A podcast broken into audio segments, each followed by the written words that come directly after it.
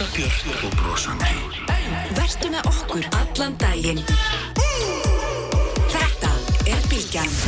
Brettir þjóðmál og pólitík. Sprengisandur á bylgjunni. Sælumhlustundur uh, höldum hér af stað sem leiði liggur. Þau verða hérna í lók þáttabjalli Gunnarsson, Þorbjörn Sigrid Gunnarsdóttir, Bjarni Benditsson verður hérna Ellu leitið, Ragnir Þór Ingólfsson er hér á eftir.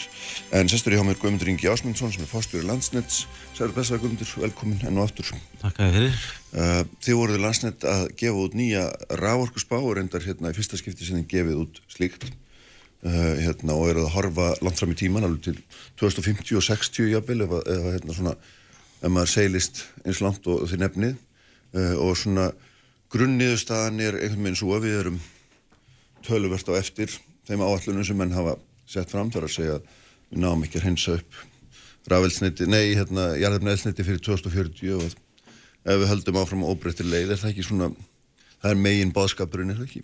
Jú, sko, við gerum umhverjulega tvær spár, sko, mm. annars vegar eftirspurnarsspá og hins vegar, sko, frambóðsspá og við letum eftirspurnina, nei, frambóði ekkit endilega hafa áhrif á eftirspurnarspána og bara mátum þetta. Og þetta er náttúrulega unnið átt aldrei breyðari grundvalli heldur en bara hjá landsniti vegna þess að orgu skiptin hafa verið til umræða mjög lengi og margir hópar skoða það. Meðal annars hefur verið viðamikil vinna hjá samorku mm. þar sem meira minna öll orgufyrirtekan hafa komið að.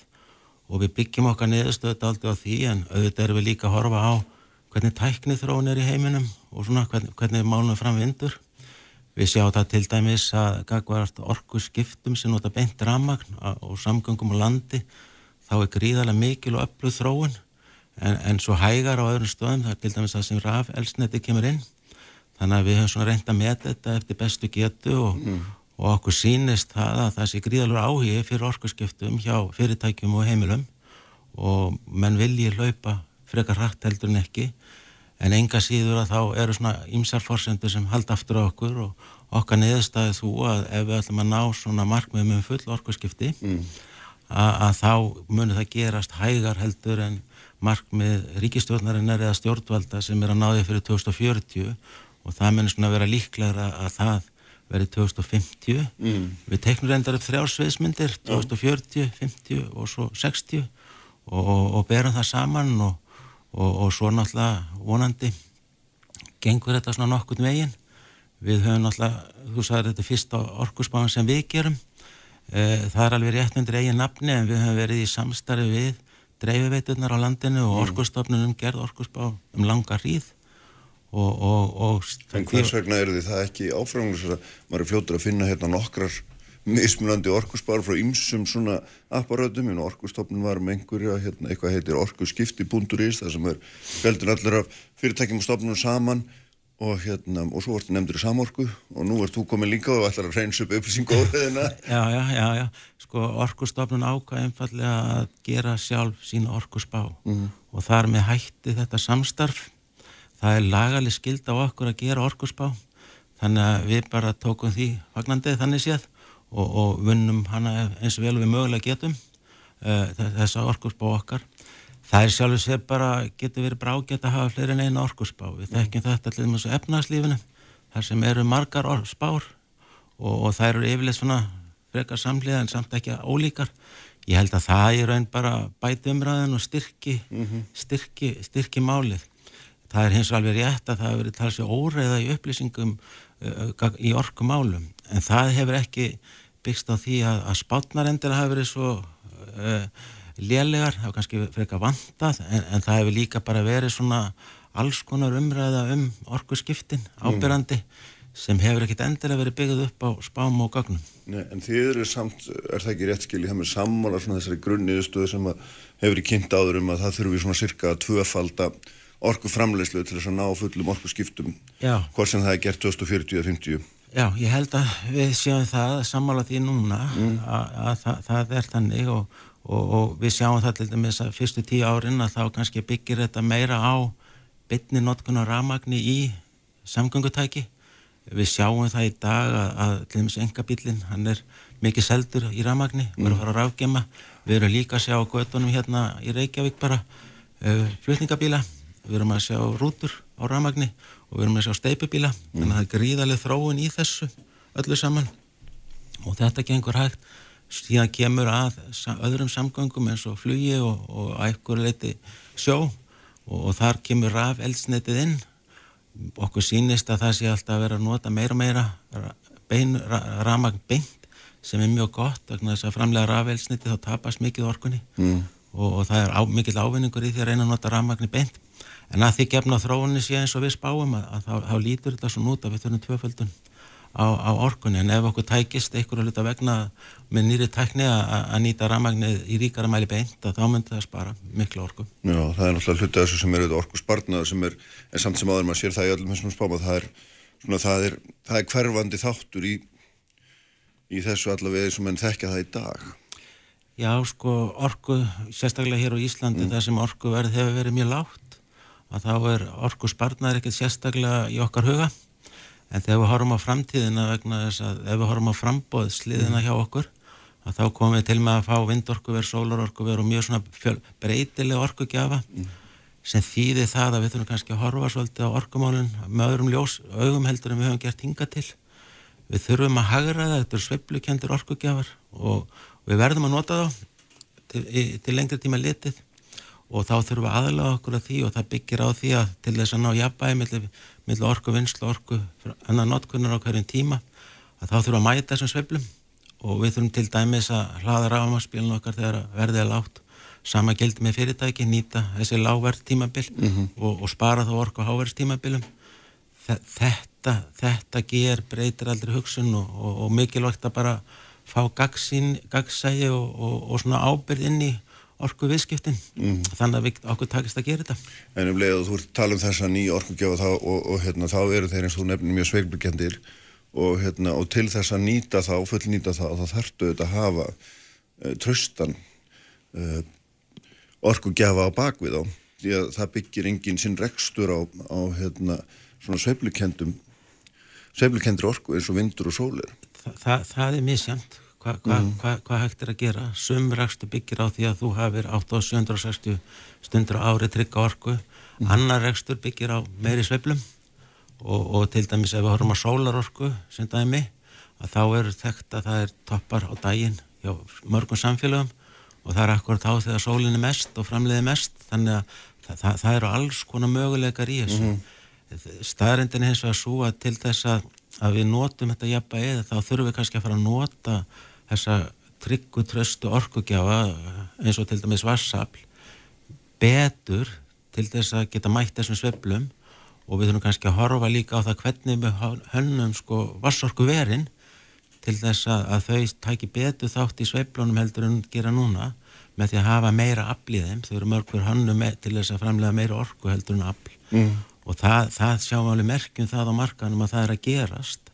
Að, að fyrirtækin er að horfa á aflið. Þú veist að þess að útskýra þetta betur fyrir mér og öðrum sem erum ekki nákvæmlega inn í þessu. Hvað meinar með muninum orku og afli í þessu tilviki? Já sko ef þú horfir á hana virkun sem orku hana þá reynur að hafa jafnari framleiðslu í henni. En ef þú eigur aflið í henni þá getur við sveiflað henni meira og tekið sko sveifluna úr lónunum í vassafl stöð. Og þessa sveiflu getur við nætt til þess að spila móti vind eða sólarorku. Já, þannig að þegar er skortur á vindi eða lítil framleysli vindorkuverum þá gefur vassorkuverið í og mætir þessum sveiflum. Þannig að þetta er gríðarlega mikilsvert að, að horfa á þetta. Þetta getum við gert inn í nú verandi kerfi og þurfum ekki að sækja ný, ný hérna, eða byggja ný verð til þess að, að fylla upp í þessar gloppur já og, og, og bara ef við skoðum bara svona landsvirkinn sem er stærsta fyrirtækið að þá er það fyrirtæki að horfa á til dæmis stækkun í þremur stóru virkjunum á þjórsvarsvæðinu eins og Sigölduvirkjun, Hrænæðaforsvirkjun og, og Varsfellsvirkjun eða mann rétt. Mhm. og þá hreinlega verið að bæta við vél til þess einmitt að mæta aukinni afþörf í kerfinu. Mm, mm. En, en sko þú náttúrulega ert hérna og þið eru þetta fulltrúar flutningskerfisins. Það er það sem að þið sérhefið ykkur í að gera. Og það er auðvitað hérna, eitt er að framleiða orku eigana og geta sveiflaður en annað er auðvitað flindina milli og þar höfum við svo sem nokkuð rætt nokkur sinnum að hérna, það er nú ekki síður flöskuháls heldur en Já, já.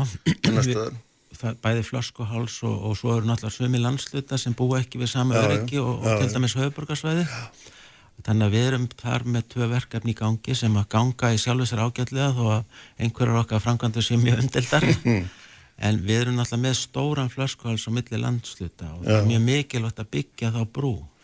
Að við erum að byggja sagt, nýja brú eða línu, byggða línu eins og við höfum kallaða alveg frá Östfjörðum, Fljóstalstöð og ætlum að enda hann út á Reykjanes tá sem fer þá eftir Vestur Norðurlandi, Vesturlandi inn í Kvalfjörð mm.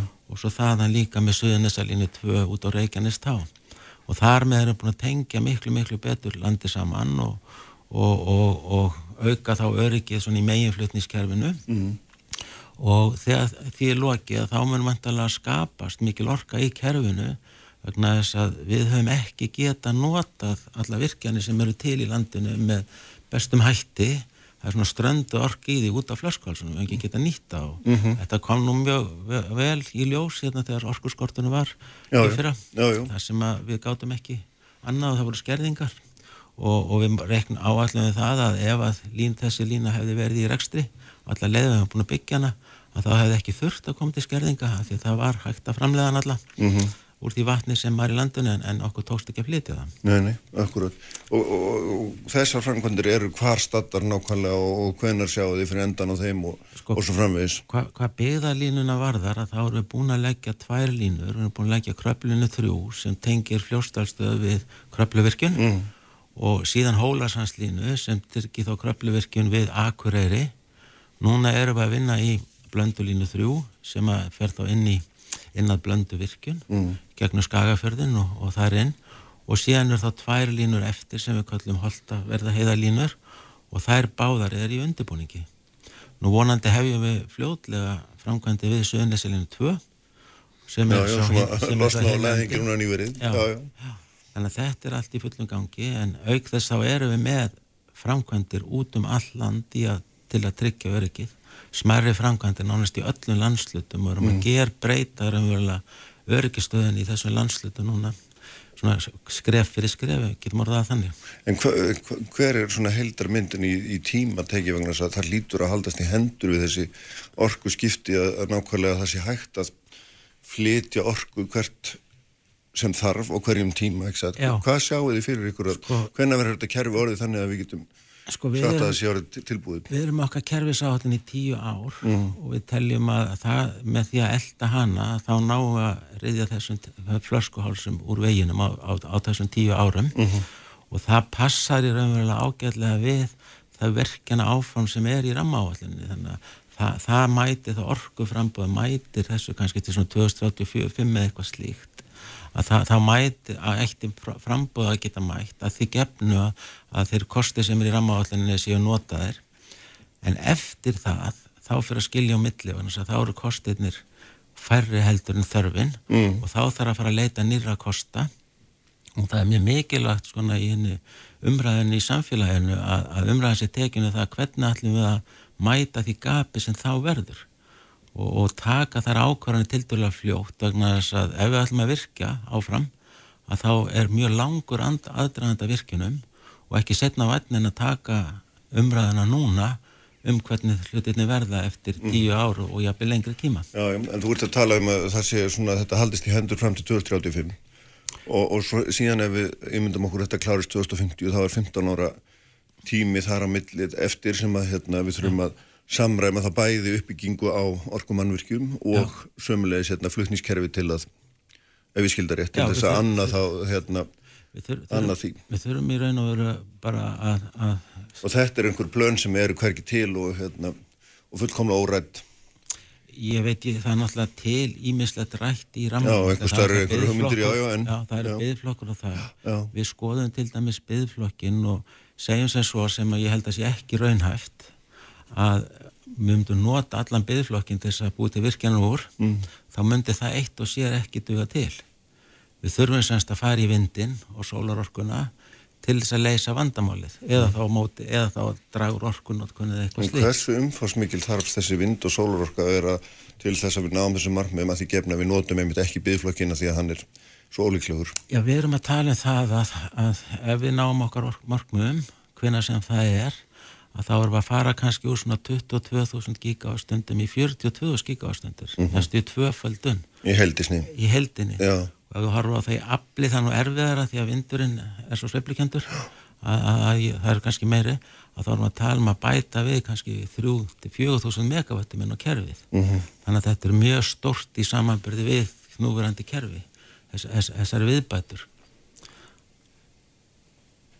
Já og, og að hvað miklu leiti eiga þar að koma eða þar að koma sérst þess að 34.000 megabit eiga þegar að koma úr úr hérna Þa, það er ég að þá að koma úr öllum þessum kostum úr öllum kostunum Já. en að hvað miklu leiti eiga þar að koma úr vind og sól.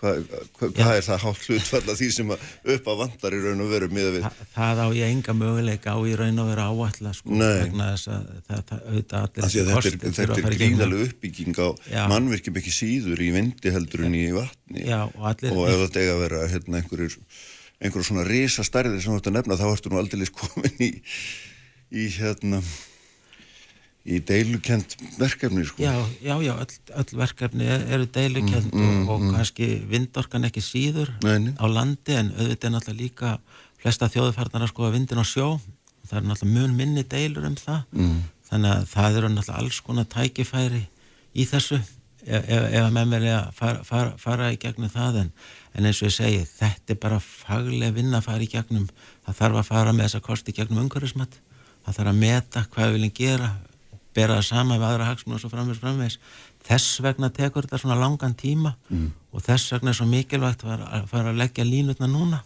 til þess að geta farið í þessa vinnu og greint á milli hvað er raunæft og hvað er óraunæft mm. en í ljósið þeirra reynslu sem þú hefur af þessum vettvangi og, og hérna, þeim hraðar sem hefur verið á framkvæmdum ef að segja 10-20 ára eftir í tíman við getum líka ábyggla farið aðeins aftar en það hverjir eru þá líkurnar á að við getum náð samkómulagi um að sko líka um að, að byggja upp það sem þarf til þess að ná þessu orkurskiptamarkmið á, á þessum örfa árum til 2040 nú bara hérna, 17 ár þanga til og hitt eh, 27 ég held að það sé mjög mikil tækifæri í ferlunum mm. til þess að geta vinni hraðar heldur við gerum í dag án þess að við sem eitthvað að draga úr kröfunum sem við gerum til umhverfisins, samfélagsins og svo framvegis.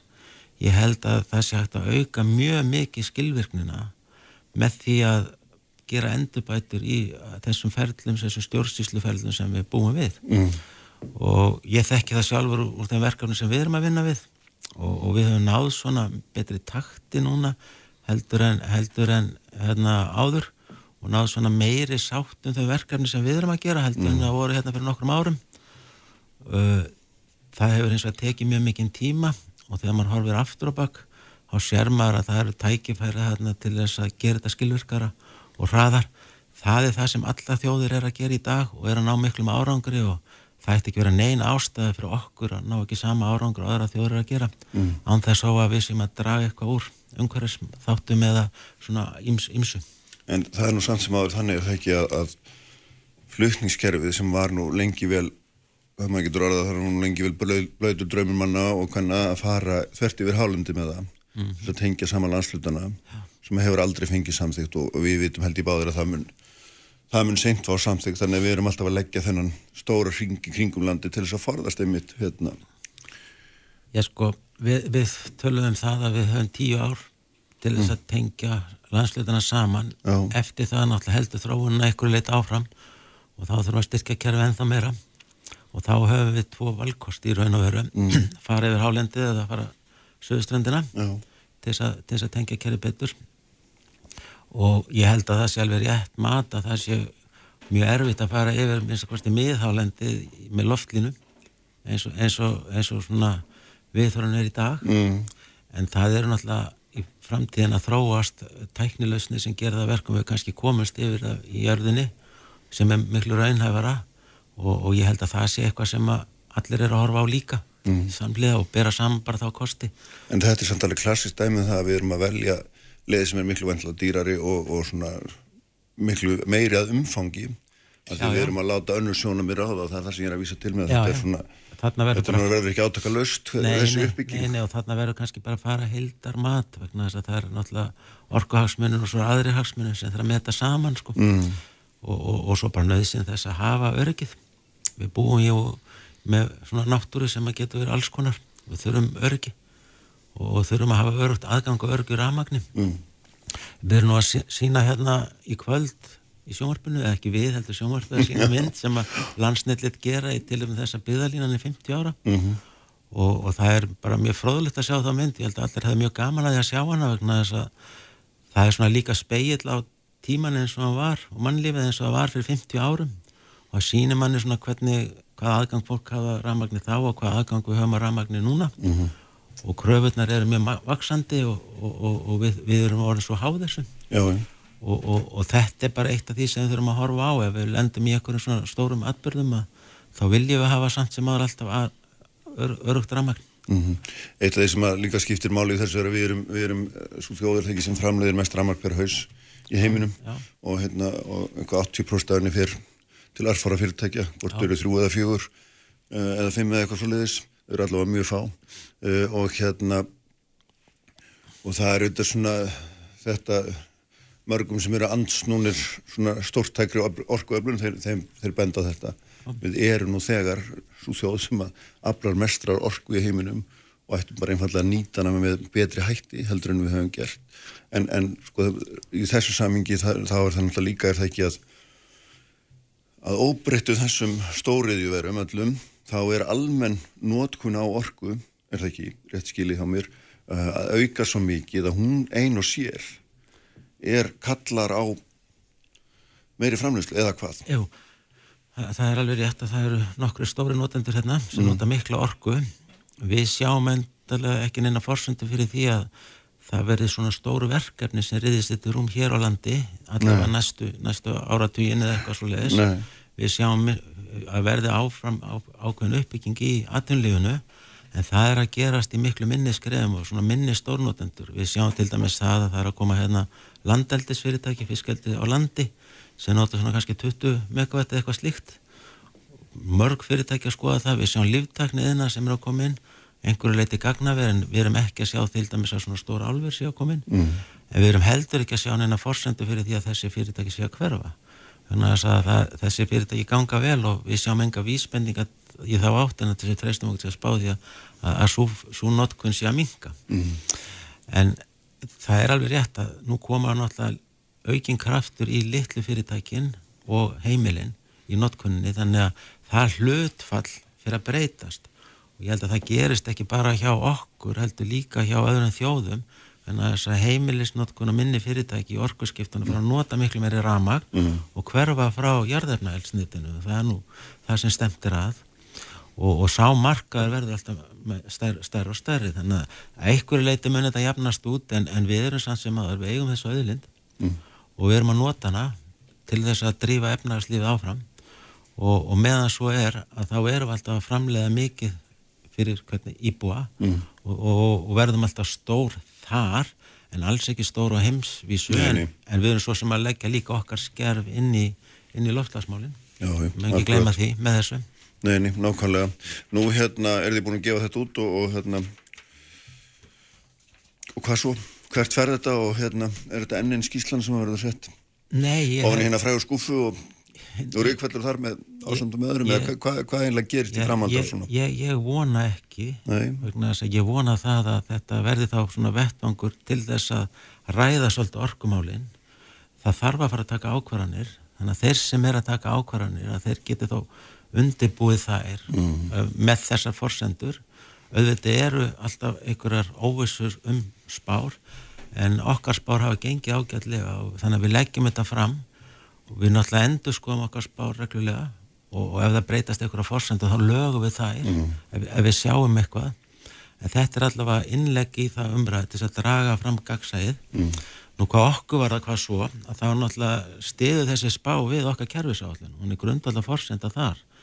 Og hún, við byggjum okkar uppbyggingaplön miða við þessa spá, hvernig þróunin verður. Það er eitt af okkar hlutverkum.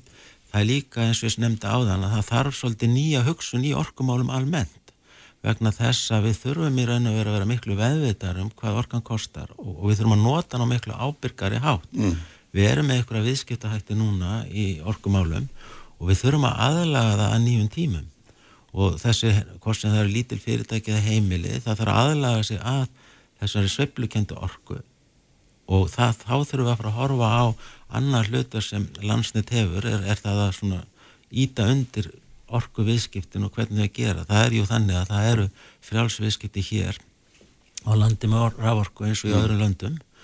Og, og, og við þurfum svolítið að þróa þá viðskiptahátti þannig að neytendur hverju sem þeir eru, hvort sem er fyrirtæki eða einstaklingar geti notað orkun á ábyrgan hátt. Vegna þess að við vitum það líka að hún er ekki óendaleg orkan þó svo að við framleiðum ekki haus að þá er hún ekki óendaleg og alls ekki á heimsvísu. Nei, nei. Og það er mjög mikilvægt að auka gagsæðið og gera öllum kleift að nýta þessa nýju orkugjafa til gags fyrir okkur og, og byggja þá upp í efnaðarslífið í leðinni sko. Nákvæmlega, herðið, við komast ekki lengri bíli en við sjáum hvað hérna sjáum hvað út úr þessu kemur. Bestu þakkir. Takk fyrir það. Haldum hérna áfram. Ragnar Þór Ingólfsson verður hérna hjá mér og eftir formaður var Ferus og Bjarni Benditsson svo verður það hér í lókþáttar Þorberg Sirju Gunnarsdóttur og Björn Levi Gunnarsson. Uppspretta frétta á Sprengisandi á bylgunni Sprengisandur alla sunnudaga á bylgjunni. Særi hlustundur aftur uh, Guðmundur Ingi Ásmundsson fórstjóri landsnætsvarinn frá mér uh, hér á eftir Bjarni Benditsson formadur sjálfstæðarklossin fjármálefnarsráður á þau Þorbjörg Sýrju Gunnarsdóttir og Björn Levi Gunnarsson. En í símanum er, er Ragnar Þór Ingólfsson formadur Hvað fær sæl og blessaður Ragnar?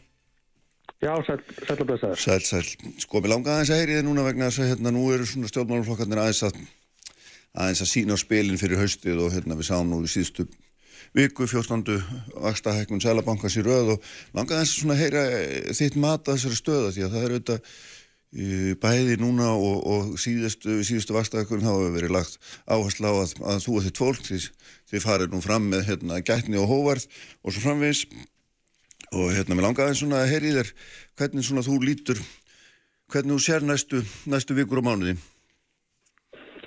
Jú, þetta er svona, hvað maður að segja, söngur sem að hefur ótt eh, heyrst í aðdraðanda kjærasamninga að, að ábyrðin liggi hjá vinnandi fólki og, og verkefnisreifingunni og um, þetta er uh, svolítið kostuleg uh, framsetning á, á, með við stöðuna í, í hérna efnaðasmálum þar sem að uh, fyrirtækin hafa verið að skila með taknaði, bankarnir náttúrulega eru í e, bara sérflokki þegar kemur að, að, að þessum málum. Uh, síðan uh, þessi þensla sem ferðarþjónustan er að valda og þessi þættir sem að er að orsaka þessa verbulgu sem við erum að fást við hún er innflutt, hún er hagnaðadrifin og hún er klassísk eftirspurna verbulga drifin áfram af, af ferðarþjónustinni og hún er út af viðvarandi og sívaksandi húsnæðaskorti og Ekkert af þessu eru stýrifæstahækkanir Sælabankars að býta á. Eh, það gefur, gefur auga leið, heldur hefur Sælabankin kosið að, að ganga fram mjög harkalega kakvart almenningi með refsustefnu í, í vakstamálum. Þá helst þess að verja e, fjármagnið og það hefur alveg, e, það skýn í gegnum um raukstinning peningastefnu nefndar að, að hér megi e, raunvextir ekki vera neikvæðir mm. og, og, og það þýðir einfalla að, að Sælabankin er á góðri með að reyka stóra hluta þjóðarinnar yfir í verðtriða umhverfið. Það eru einu, einu nýju lánið sem bankarnir eru að veita í dag eru verðtriða. Uh, síðan þessir, þessi, hefur þessi vakstastafna hún hefur ásaka það að hér eru framkvæmdir á, á húsnæðismarkaði að uh, dragast saman og jafnvel að fara í frost þegar að þeir öfuga ætti að vera að gerast að, að, að, eh, hér ættu, ættu að vera í stórfældri uppbygging og húsnaði. Þannig að ríkistjórnin og Sælabankin og aðbunulífið uh, hafa sínt af sér uh, mikið ábyrðarleysi og ætla sér að uh, snúa, snúa þessu yfir okkur er beinlýnis bara ósvífið. Mm það er einu sem er betri í hug Já, hvað, hvað er verða svona hver er ykkar bóðskapur á þessum, þessum tíma? Já, okkar bóðskapur er, er eh, sá að hér menn eiga sér stað bara ákveð uppgjör í haust Við höfum kjara samninga til þess. Við getum ekki hækkað launin hjá okkar fólki eh, frá degi til dags eins og fyrirtækin geta hækka hér vöruverð eh, eða bankarnir búið til nýjt þjónustu gjöld eða, eða ríkistofnin hækkað á okkur álögur. Eh, við höfum bara þetta tækifæri og það mun eh, fara fram ákveð uppgjör, uppgjör gagvart selabankunum, eh, gagvart böngunum, gagvart atvinnulífinu, gagvart vanendum ríkistjórnarinnar og hvernig hún hefur raunni uh, setið þess einhvern veginn að, að, að hella ólíu á þennan verðbólku eld með aðgerraleysi og sömulegis líka uh, vanemdum kakvart okkur í verkefælisreifingunni. Mm. Árið 2019 sömdu við um stórfælda uppbyggingu og húsnaðasmarkaði. Við sömdum um leiguvernd uh, fyrir fólk á leigumarkaði. Það er staðan bara hreint skelvileg og fjölmarka aðra þætti, húsnæðisliðin og vísutölunni, fjölmarka aðra þætti sem að ekkert bólar á uh, að verða fjórum áru setna.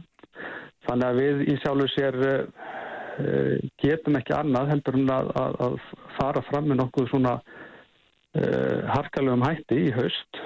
Og það er bara einfallega komið að skuldadögum hjá þessum aðilum sem að eins og ég sagði á þann að hafa sínt á sér fátama ábyrðalessi á tímum harfar verðbólgu og ætla sér að, að sé, snúa spjótonum að okkur, fólkin í landinu er bara ekki bara ósvífið, heldur bara kostulegt. Hvað, hvað hérna, hvaða aðgerðir myndir þú vilja sjá ef að þú getur hérna lagt mönnum lagt mönnum til einhver hollrað núna þannig að hérna það fari nú ekki í verði ekki hérna alltaf mikil harka.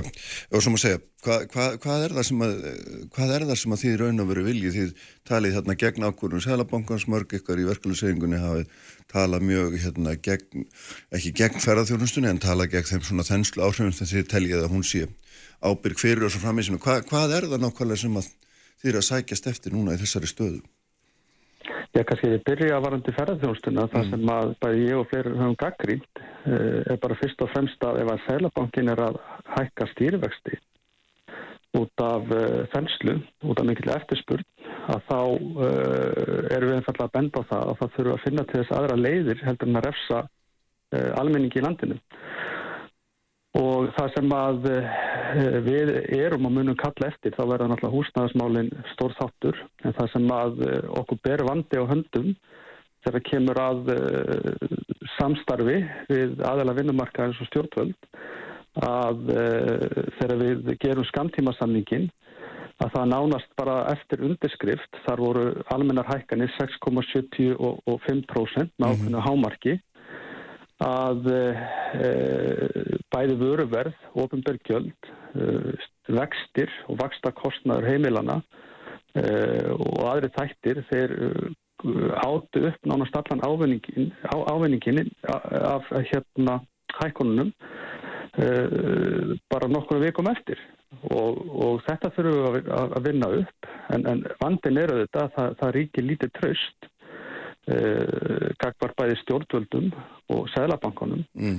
það sem að, að uh, við töldum okkur og vorum í góður í trú með, með, með að skrifundu samninga síðast að við værum í þessu saman uh, en svo er augljóslega ekki þannig að þetta verður gríðala flókið að, að ná þessu saman en, en kannski breytingi núna myndi ég segja að við sem erum í fórusti í verkefælisreifingunni að við erum framlegging á okkar félagsfólki. Mm.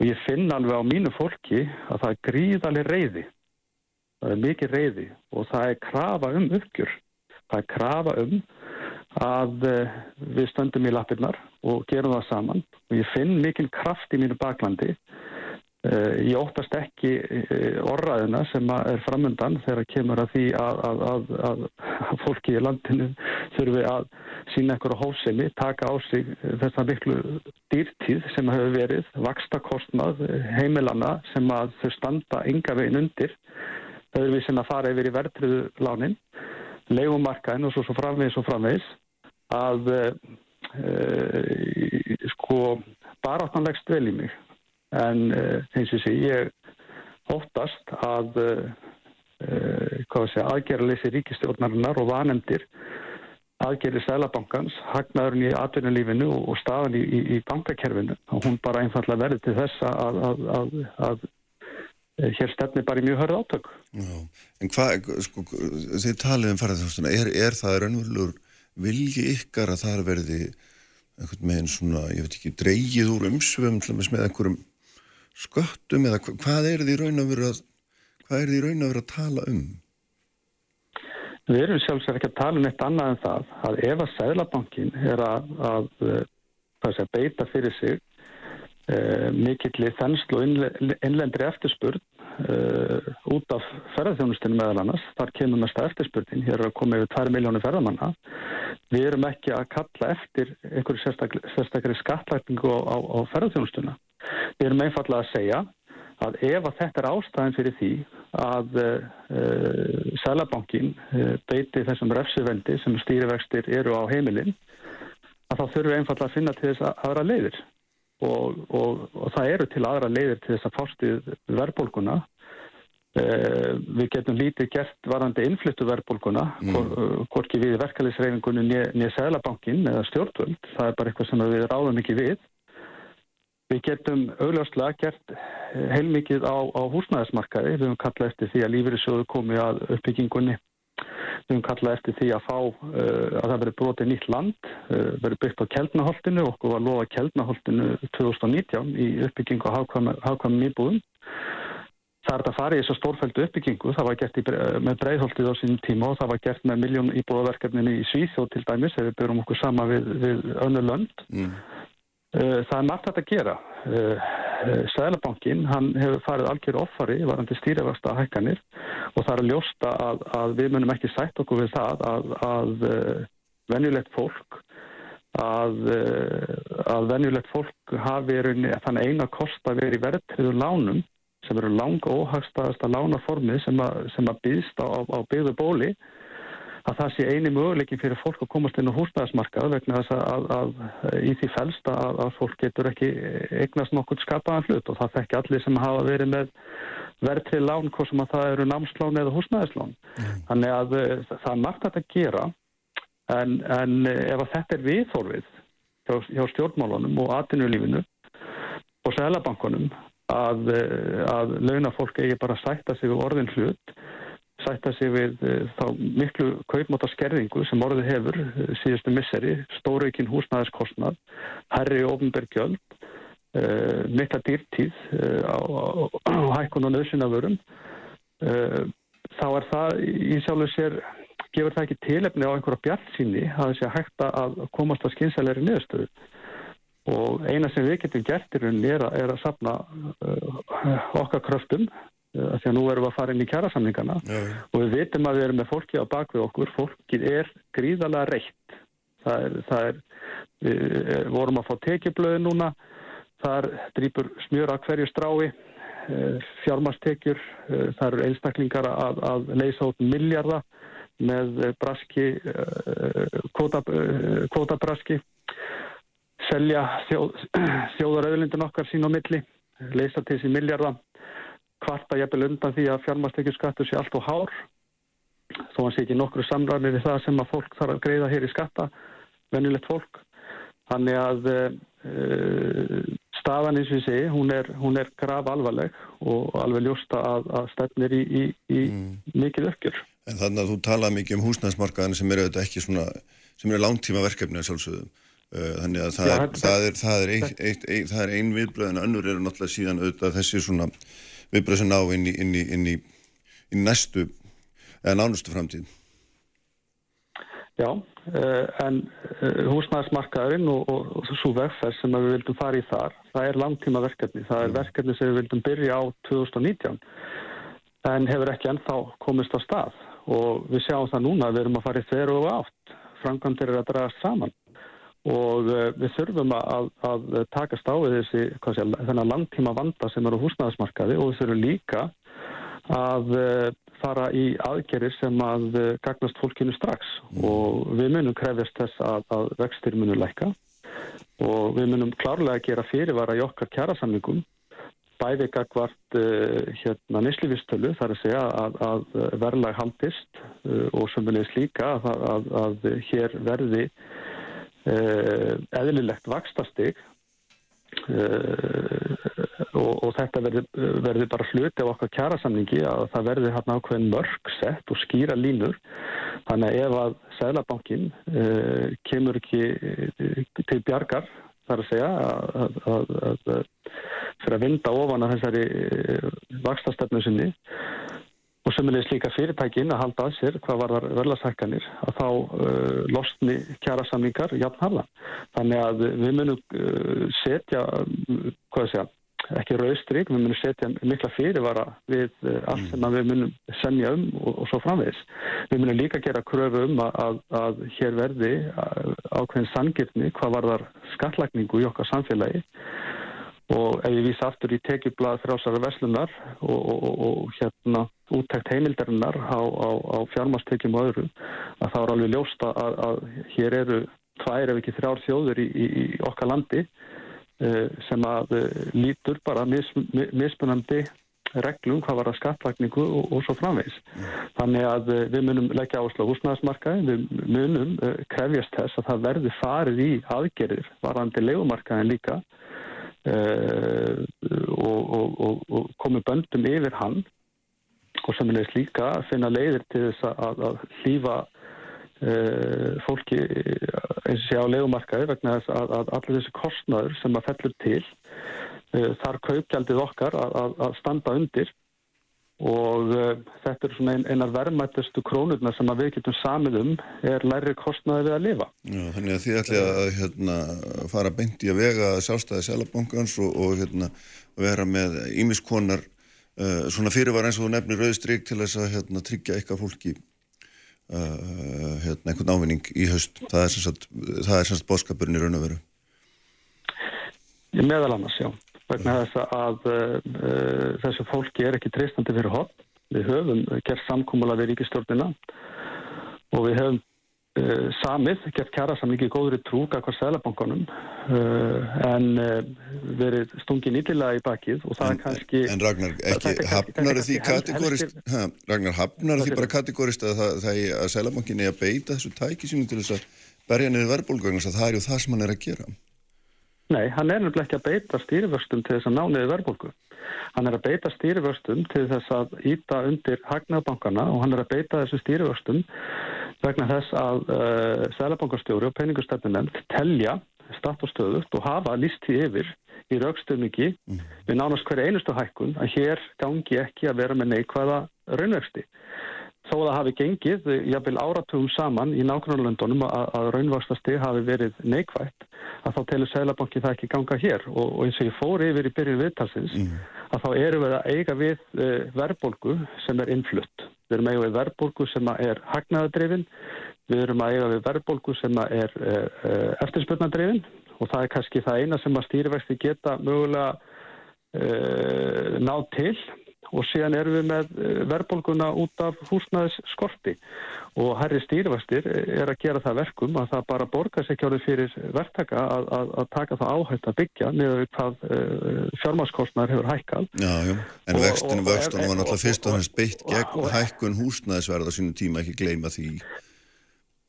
Já, meðal annars, vegna þess að stærðarbókin gerir alveg gríðarlega hagstjórnumistök með því að fara í mikla vakstarleikanir sem var mjög gott En, en, en uh, það sem hefði þurft að fylgja mm. uh, væru aðhalsaðgerðir, mótvæðisaðgerðir sem að við lögum til í kjærasamleikunum 2019 mm.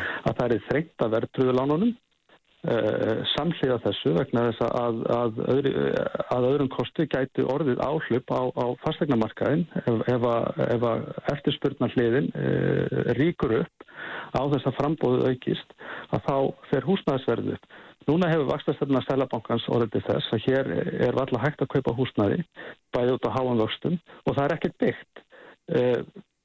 Uh, hef einhvern getur útskýrt fyrir mér og, og fær fyrir góð rauk uh, hvort að þetta leysi, þessi stefna leysi húsnæðismarkaðin til lengdar uh, þá var ég alveg til að setjast niður og hlusta. Mm. En ef við tökum eftirspurnaverðbólkunni sem kom inn á, inn, inn á aðan að þá er eftirspurnin og ég held að sé allir sammála því, hún er út af uh, ferðamennum og herri stýrivexti slá ekki á, á það hvort að uh, uh, þísk fjölskylda eða, eða ferðamenn frá bandaríkjunum komið til landsins og, og, og, og eigði hér peningum, bæði hérna kaupi hér gistingu og, vöru og þjónustu með tilherrandi áhrifum.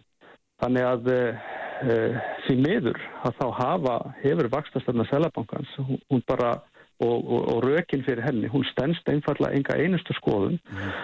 Og það er ekki bara ég sem er að halda þessu fram, það eru flestir, það eru bara helst greiningadeildi bankana sem hafa hvað mestan hagaði að vextir uh, hækki hér uh, gríðarlega og, og vakstast í sé hátt. En það sést á afkomu bankana, hún er uh, ævintýraleg og mun aukast ennþá meira núna eftir, eftir síðustu vakstahækun. Og verðist líka þeir stjórnmálamenn sem tala fyrir, hvað sé að ríkasta minnuluta þjóðarinnar og, og, og er að verja hagsmunni fjármaksins Eh, að, að tala auðvitað þessa vakstastöfnu upp og stiðjana og reyna eftir veikum mætti að raukstiðjana. Mm. En eh, aftur, aftur kemur, eh, verðbólkan sem við erum eiga við, stýri vakstastöfna Sælabankas er einfallega ekki að, að hafa áhrif á þessa þætti. Ég, ég get ekki séð og, og, og ég held að enginn geti séð hvernig til dæmis stýrivextir e, hafa áhrif á heimsmarkasverða á, á ráolju eða, eða, eða kveiti. Þannig að e, hvað þá uh, íta undir uppbygging og húsnæðismarkaði, hvað þá að, að e, þrýsta niður, hvað það segja, hagnaða vendingum fyrirtækjana. Uh, og alla tölur sem við erum með í höndunum, við fengum nú greiningu frá sangjefniseftilitinu varandi uh, framlega hlutvöld fyrirtækja og jætverðlífunum og, og við höfum sjálf farið í gríðala miklar greiningar á ákomu fyrirtækjana uh, öruglega meiri greiningar heldur nokkur, nokkur ræðarir uh, og, og uh, það er alveg ljóst fyrirtækin hafa verið að auka hagnað uh, í stað fyrir að halda sér höndum og sína þannig samfélagsápir tala þannig inn í uh, betri lausn og kjærasamningum bankakerfið, bankarnir þurfu ekki að hækka vexti á lánum hérna Eh, algjörlega samhliða eh, stýrjávastahækkunum. Bankar úti er ekki að hækka eh, sína mm. vexti samhliða stýrjávastahækkunum, jábel bara hluta, en bankarnir hafa síðan haldið áfram, hækkað, stórhækkað allar álögur, fæsligjöld, bætt við þjónustugjöldum, skert þjónustu, lokað útubúum, sagtu fólki. Eh, við erum, við erum í samfélagi þar sem að einhver, eh, einhver minn allir virðast ganga í öfuga átt eh, mm. þegar við erum að kalla eftir samfélagsábyrð og, og þetta er ákveðin hróki og hræstni fólkinni því þegar að fólk stýður fram og segir hérna, að vinnandi fólk eða sína ábyrð. Já, þannig að þú ert hérna bara, þannig hérna bara í jáða nei það verður semst mikið uppgjör að þínum að þetta í haust? Þa, það, það blasir við. Mm. Ljómandi, bestu þakki fyrir að með mér í dag. Já, takk samanleis. Og hérna, þau verða hérna, eh, Bjarni Bensson verður hérna næstur og svo koma Þorbjörg Sigurður Gunnarsdóttir og Björn Levi Gunnarsson í lokþáttar. Uppspretta frétta á Sprengisandi á bylgunni. Bestu liðin, bestu leið. Sprengisandur, alla sunnudaga á bylgunni.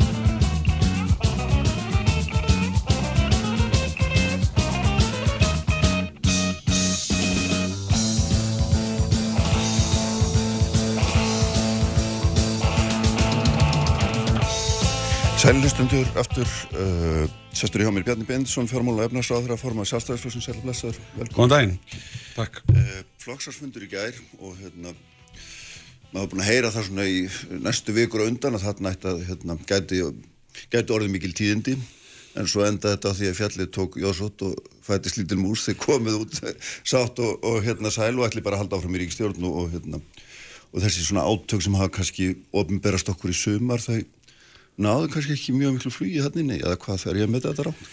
Uh, ég vil nú meina að, að það hafi í stað bara ofinskáar og, og góðar umræður við um, uh, við leiðum röttum hérna, flokksmann að heyrast þarna á fundinum og, og það, er, það er mörg verkefnin sem menn vilja sjá ráðist í og, og hérna, já, já, ég, meni, ég rætti það mjög ofinskátt að það getur verið mjög kreyfandi að vera í svona stjórnarsamstarfi en, mm. en við tökum þeirri ábyrð mjög alvarlega og Uh, við gefumst ekkert upp sko fyrir en uh, öll sundir er lokuð.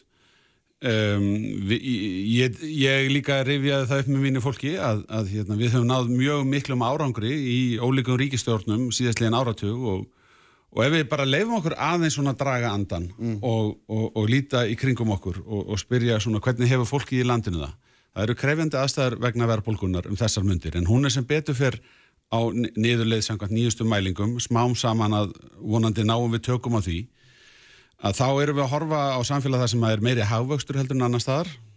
Aftur auðvitað tengist því að vexteitin hafi verið að hækka en semst mjög mikill kraftur í samfélaginu. Og fólk hefur almennt vinnu Eh, það er hátt atvinnustíð á Íslandi og flesti stjórnendur segja skort á vinnuafli. Þetta er hluti af sama máli en, en svona eins og það horfir við fjölskyldunum í landinu og flestum fyrirtækjum þá er bara, það er mjög mikill snúningur á öllum hjólum sko. það er bara alveg hérna, samfélagi á flegi ferð. Og, og já, mér sé að hérna, er það orðið kannski helsta á- áskorun Selabankan sem þessa mundir, hvað það er mikil enganeisla og mikil umsvif. Um, og þetta skila sér út í góðu lífskjör. Uh, við höfum séð mjög mikinn vöxt kaupmáttar fyrir uh, heimilinn undanfærin ár. Og ég vil meina að, að þessi misserinn eigi að snúast um það að verja þann mikla árangur, finna nýtt jafnvægi og sækja þaðan fram. Þannig að ég, sko, það er að líta til svo margar átta, skoðum bara hvað er að gerast hér til dæmis í nýsköpun og nýjum atvinnugreinum, það er eiginlega sama hvert maður lítur og lítur bara á hérna, eh, garðrækt, sko, það er verið að byggja stærri, tæknivættari gróðurhús um þessa mundir. Við erum að sjá um, svona reysa svona sögulega hluti gerast eins og áttu sér stað með gerisinsölinu þar sem að fórstjónum segir, heyrðu, það er hverki betra að vera nýsköpunafyrirtæki en á Íslandi og við sjáum það umhverfi hafa tekið miklum stakkaskiptum og þetta ég, er svona í mínum huga daldur fræ framtíðarinnar. Eh, það er verið að fjárfesta gríðarlega í nýsköpun, rannsóknum, þróun sem að mun skila sér í um, nýjum fyrirtækjum sem eru með heiminn allan sem sitt markasvæði uh, fyrirtæki sem að þá auka fjölbreytnina í íslenskri atvinnustarfsemi geta greitt góðu laun, eh, skapa spennandi störf fyrir nýjar kynnslóður það er bara svo margt jákvætt að gerast sem að, sem að við megum ekki gleyma að horfa til um leið og við spyrjum akkur náum við ekki meira árangur hér og Já, þar? já, en akkur er þá hægri menn að, hérna, að þarga þetta hverju öðrum? Við, maður þekkir þetta söguna vinstri minn hafi verið duglega við þetta en það, er svona, það eru færri skipti sem að þið hafið staðið í svo nú er þetta staðið út aldinn tíma og hérna, ég veit að þú finnur alveg fyrir þessum talsmunum svo kallara borgarleira gilda sem að segja að hérna, flokkurinn sé búin að týna sjálfum sér og, og hérna, mér segja rítari flokk sem segir ég verið ekki fleiri málamillanir en þið eru Jú, í jú, sko ríkistjórn finnst- sem einkennist af málamillunum Jú, jú, jú, hann finnst kannski að, að hérna, við höfum e, svona e, nú þegar gert þar málamillanir e, sem að svona e, já, við séum komin að, út af einhverju mörgum, skulum kannski segja En hvað þýðir þetta Bjarni raun og veru? Nei, ég- ég ætla ekki að fara að túlka hans orð hérna, sko, sérstaklega. Að- að... Það er einhverjum mörgum, skilur við. Sko það er bara að krafa um að, að, að þegar við höfum þann stuðning sem við höfum á þinginu, við erum stærsti þingflokkurinn á alþingi, við höfum verið lengi uh, stærsti flokkurinn á alþingi og erum enn, uh, þá er krafa um það að þessi stefnumál sem við höfum komið okkur saman um að eigi erendi við fólki í landinu og við fáum umboð frá fólkinu í landinu til að rindi í framkvæmt, þau komist fleiri á dagskrá og verði afgreitt og, og hérna í grunninn er það bara þetta sem er verið að tala um. Við rættum til dæmis mikið um það í gær að, að hérna, mörgum af okkar flokksmönnum uh, finnst sem að ríkið þvælist of mikið fyrir fólki sem að vil láta til sín taka. Uh, eftirlits yðnaðurinn eins og hann er kallaður, sé orðin allt of umfangsmikill. Uh, það er alveg sama, þú getur valla snúður í ring, það hérna, vantar vask hér, þú þarfst að hérna, koma með eldvarnarhurð hér og, og þú þarfst að fá leifi fyrir öllu sem þú ætlar að gera. Þetta er mjög algengt þegar við komum saman, það er mjög algengt að þetta sé rætt og ég held að sé mikið til í því að, eh, að fyrirferð ríkisins sé uh, full mikið. Þið eru aðal höfundar að ríkinu á Íslandi. Já, Það er nú þannig. Þið Yes. eru búin að vera svo flokkur, langstæstur eins og nefnir sjálfur. Já. Og þið berið aðal ábyrð á ríkinu sjálfur. Já, Ef maður á að draga þann þannig fram. já, já, sko, við skulum taka hérna, heildar ábyrð á þessu öllu saman, hérna, mín vegna. góðu slæmu, nei, Já, ég, jú, veist hvað jú, ég á við. Ég meina. Þið eruð aðal höfundarnir að þessu. Já, og eins og ég var rekja hérna áðan, Já. þá höfum við náð alveg frábærum árangri. Það er hverki betra að búa en á Íslandi, lífskjör hér eru algjörlega fremstu röð og við erum stolt af því samfélagi sem við höfum skapað saman. En það eru áskoranir og svona hlutir þeir hafa tilhengu til að gerast í litlum skrefum. Og svo tekur framkvæmdavaldið sér svona alltaf aðeins meiri og meiri völd. Og við höfum til dæmis verið að ræðum það þegar það er verið að innleiða Evrópureglur og þá hefur eh, framkvæmdavaldið, þeir sem að undibúa frumverfin setja þau saman, haft tilhengu til þess að, að svona gullhúða þessar reglur og segja, herðum, fyrst við erum hérna að, að eh, fyrst við erum að leggja upp í þessa vegferð, ef við ekki þá að gera hérna nokkra hluti í leiðinu, við erum að opna þennan lagabálk hérna og það eru hérna greinar 1-5 sem er leið af hérna Európska efnaðsvæðinu ef við ekki síðan að setja greinar hérna 6, 7, 8, 9 og 10 sem að væri gaman að, að klára og, og, og, og þingi hefur oft á tíðum átt fullt í fangi með að átt að sjá þau, heyrðu, hvað af því sem við erum með hér í höndunum leiðir af skuldbindingum okkar samkvæmt EES-samningnum og hvað af því sem er í þessu frumvarpi er því til viðbótar. Þetta er mjög algeng umræða þingi Já.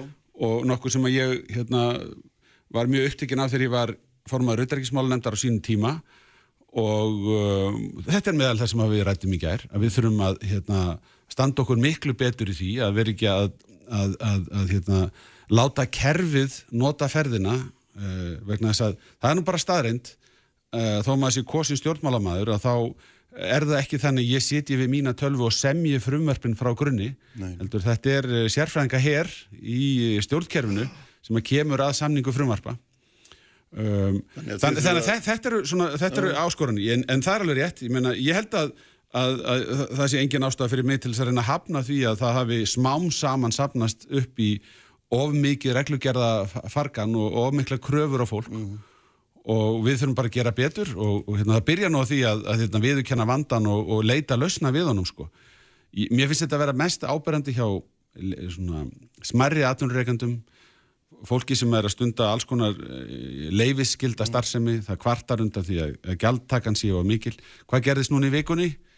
Eh, Var það ekki þannig að, að, að mast bóðaði að stórhækka gjaldskrána á uh, hérna, bænd, bændur vegna heima slátrunar og svo framvegis?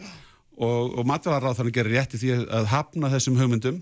Þetta hefði verið allt of íþingjandi, fyrir allt of marga og, og við meðum ekki leif okkur að ganga svona langt. Nei, en ég meina, þá getur maður bara spurt um skipafélagin sem er að fara að borga sérstakka mengunaskatt, saka ykkur um að standa ekki vörðum íslenska hagsmunni og svo framvegis og, hérna, og sérstaklega náttúrulega að því að þið líki vel í hagi sem flokkur atvinnureikanda þá Já. er þið skammað sérstaklega fyrir að hérna, fyrir að hlusta ekkit á, á atvinnulífið. Já, ég er sammálað því að það á alltaf að gæta íturstu hagsmuna okkar á, við í þessu, ekki þessu þessu alþjóða máli? samstarfi. Um, í þessu tiltekna máli finnst mér ennþá vanta skýrari svör inn í umræðina uh, varðandi það hvort að hefði verið raunverulega mögulegt að, að sækja undan þáur og í hvað tilgangi það hefði það átt að, að, að vera gert.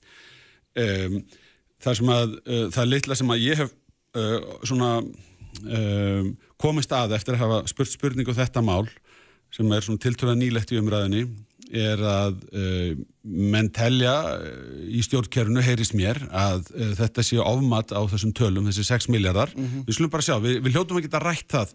En, en, en það fyrst, fyrstu viðbröðin er að þetta sé nú hérna, ofmat.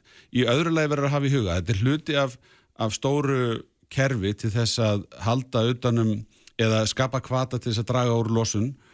Og í þessu sama kerfi þá er ríkið að fá til sín töluvert miklar tekjur. Þessar tekjur getur ríkið nota til þess að skapa kvata fyrir orkuskiptin þannig að þegar að allt reiknistæmið er gert upp að þá er ekki þetta íþingjandi svo lengi sem menn eru að fjárfesta í því að uh, fara í orkuskiptin. En finnst mér þetta stort og flókið og er það snúið fyrir uh, okkur svona tiltula fámenna þjóð að taka þátt í þessu risavaksna evróska uh, ETS-kerfi? Já, það er bara mjög snúið og hérna, við þurfum að passa okkur að, að, hérna, að láta ekki þvæla okkur inn í slík alþjóðakerfi sem að geta uh, reynst okkur fjötur um fót sko, og, og heft frels okkar til þess að ná árangri. En það sem þú ert að segja við þessi skipafélag er ég til að skoða málið en ég veit ekki ennþá hvort að þetta er Ég meina, við, eða rátt eða hvað. auðvitað, sko, það, það eru tvær hlýður á þessu máli, önnur er svo að við höfum að sjálfsögðu skildu til þess að vera ekki að setja meira íþingjandi hvaðir og skipafjölög eða aðra sem eru hér að stunda atvinnustarfsemi sem á endan leita hér út í verðlag auka álögur og svo framvegs eru uh, ekki að skila þeim árangur sem að hérna Og ganga þvert aðeins það sem þú varst að segja því að það er rætt í gerð, maður ríkir Já, já, að já, já þetta er bara dæmi um það, ég Já. bara gengst við því alveg, en, en hinn hlið málsins er svo að við erum uh, höfum ákveðið að uh, taka þátt í alþjóðlegu átaki Mm. til þess að draga úr losun. Og þetta er hluti af uh, svona verkfærunum sem að um, okkur eru afhend til þess að ná árangri. Og um, bara svona örstuðt sko, þetta er aldrei stó, stórt og, og, og, og flókið sko, þe- þessi heildar umræða vegna þess að hluti af þessum kerfum eru þessar uppruna ábyrðir og ég held að sé bara ágætt að hafa það í huga að við Íslendingar erum að hafa tekjur af þessum kerfum öllum langt, langt, langt umfram þær skuldbindingar sem við erum að taka á okkur. Íslenska ríki er að hafa í gegnum til dæmis landsvirkjun gríðarlega tekjur og þessir, þessir orkuframlegendur Íslandi eh, af uppruna ábyrðum. Eh, Við fáum síðan þessar hérna, losunarheimildi sem hægt er að koma í verð og aðalatriðið er að við séum eh, að njóta góðs af því að við erum grænir orkuframlegendur og uh, eigum að njóta góðs af því í svona stóru kerfi.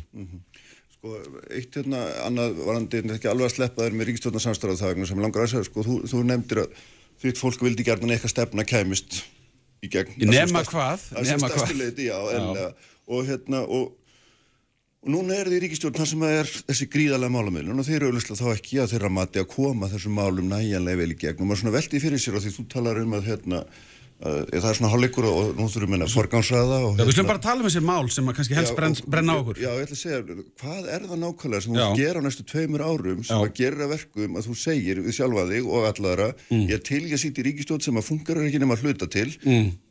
Af því að ég ætla að ná þessu og þessu Já, ég- er það nákvæmlega sem að þú ert að horfa á það Já, ég vil nú ekki meina að uh, ríkistjórnin fungir ekki nema hluta til. Þetta hefur verið hérna, farsal ríkistjórn sem að fyrir ekkit löngu síðan gekk til kostninga og við fengum yfirgnæfandi meirluta þessi þrjú flokkar til þess að halda áfram að starfa saman. Það var niðurstann í kostningunum yfirgnæfandi meirluta þingi.